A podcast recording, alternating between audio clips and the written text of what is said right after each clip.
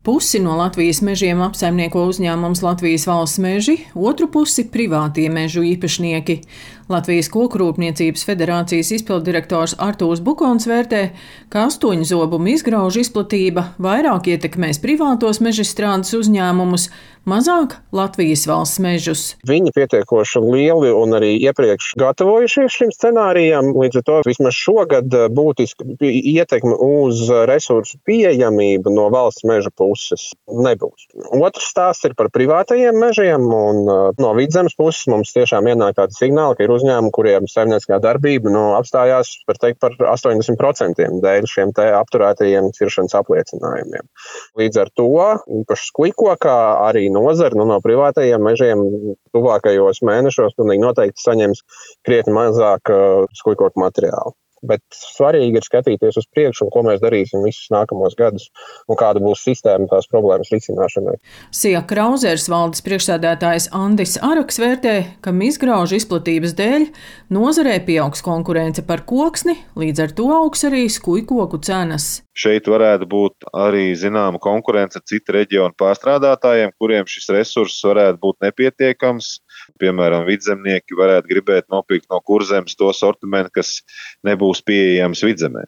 Latvijas valsts meži prognozē, ka viņu piegādes netiks samazinātas, tas būs liels atsvars jebkura reģionu uzņēmumiem.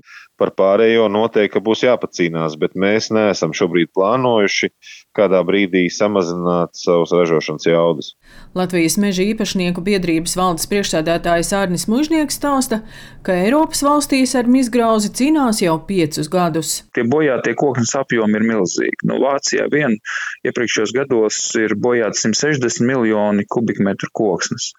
Un tajā brīdī, kad ir ļoti liels bojājuma apjoms un šie koki nonāk tirgū, cena, protams, krītās. Un Vācijas gadījumā ir bijusi situācija, ka par kubikmetru maksā dažus eiro. Es ļoti ceru, ka šī gada vasaras otrā pusē tiks sludināta jauna pieteikšanās kārta uz mežsaimniecības atbalsta pasākumiem lauka attīstības programmas ietvaros, kas palīdzēs meža īpašniekiem atjaunot mežu.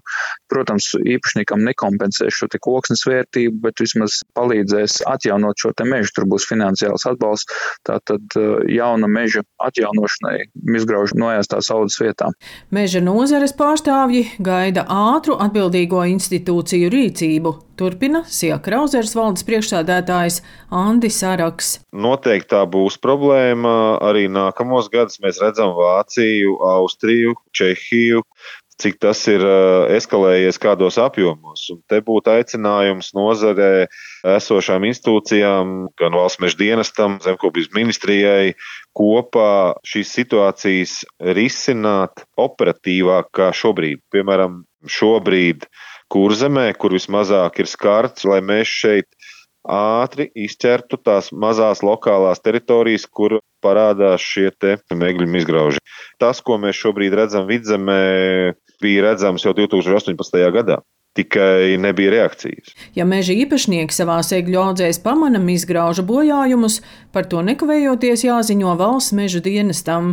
Iepriekšējā reize, kad Latvijā tika izsludināta ārkārtējā situācija izgraužu savairošanās dēļ, bija pirms 15 gadiem. Daina Zalamane, Latvijas radio.